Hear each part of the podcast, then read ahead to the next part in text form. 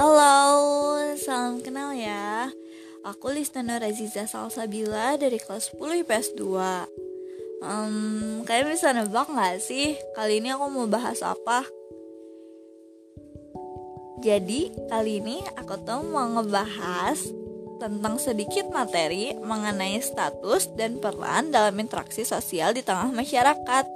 Dan juga ada kisah satu sosok perempuan inspiratif yang siapa tahu bisa menjadi list nama motivator milenial kalian ya. Buat yang belum tahu atau mungkin bagi yang sudah tahu, kali ini aku jelasin ya apa itu status dan apa itu peran.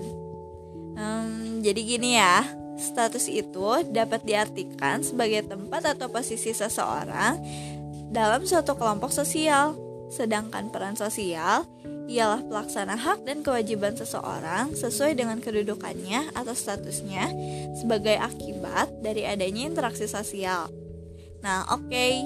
sekarang kita bahas tentang salah satu sosok yang pastinya bakal menginspirasi banget nih buat kita. Kira-kira kalian bisa tebak nggak sih siapa dia? Hmm, yaudah aku kasih tahu ya. Jadi dia adalah Gita Safitri Devi atau yang lebih kita kenal dengan sebutan Gita Saf ya. Pastinya kalian gak asing tuh sama nama itu. Ya, betul sekali. Dia adalah salah satu perempuan milenial yang sangat cerdas. Gadis cantik yang lahir di Palembang pada tahun 1992 saat ia menginjak usia 25 tahun, ia tumbuh menjadi salah satu youtuber paling sukses di Indonesia loh. Nah, mengapa dia inspiratif menurut aku?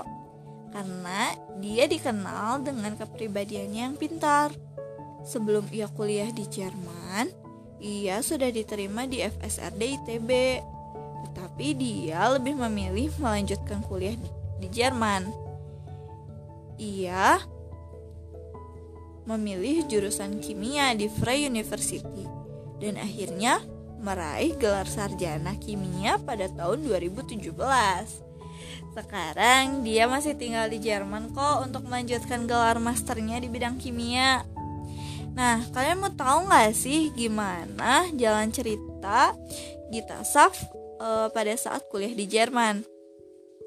Yang pertama, Gita itu ikut les bahasa Jerman di salah satu kursus bahasa Jerman di Berlin.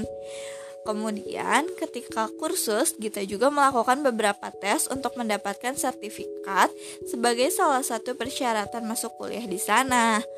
Wah, ini catatan ya buat kalian yang mau masuk kuliah di Jerman.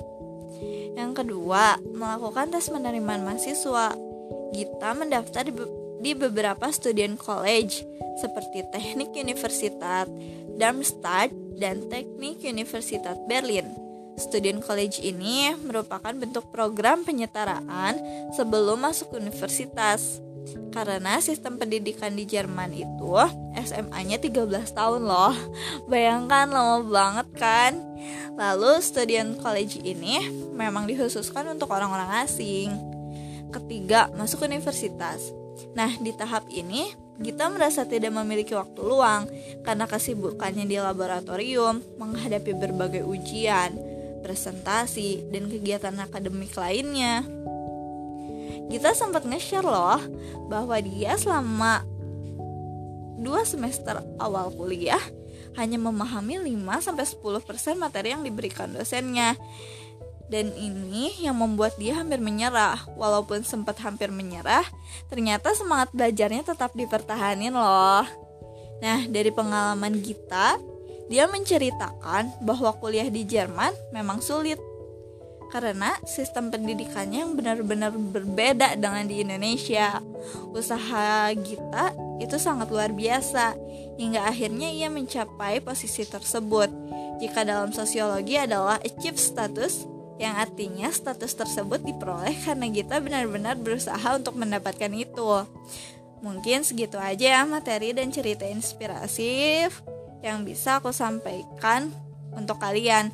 Semoga bermanfaat buat kita semua. Goodbye and see you. Bye bye.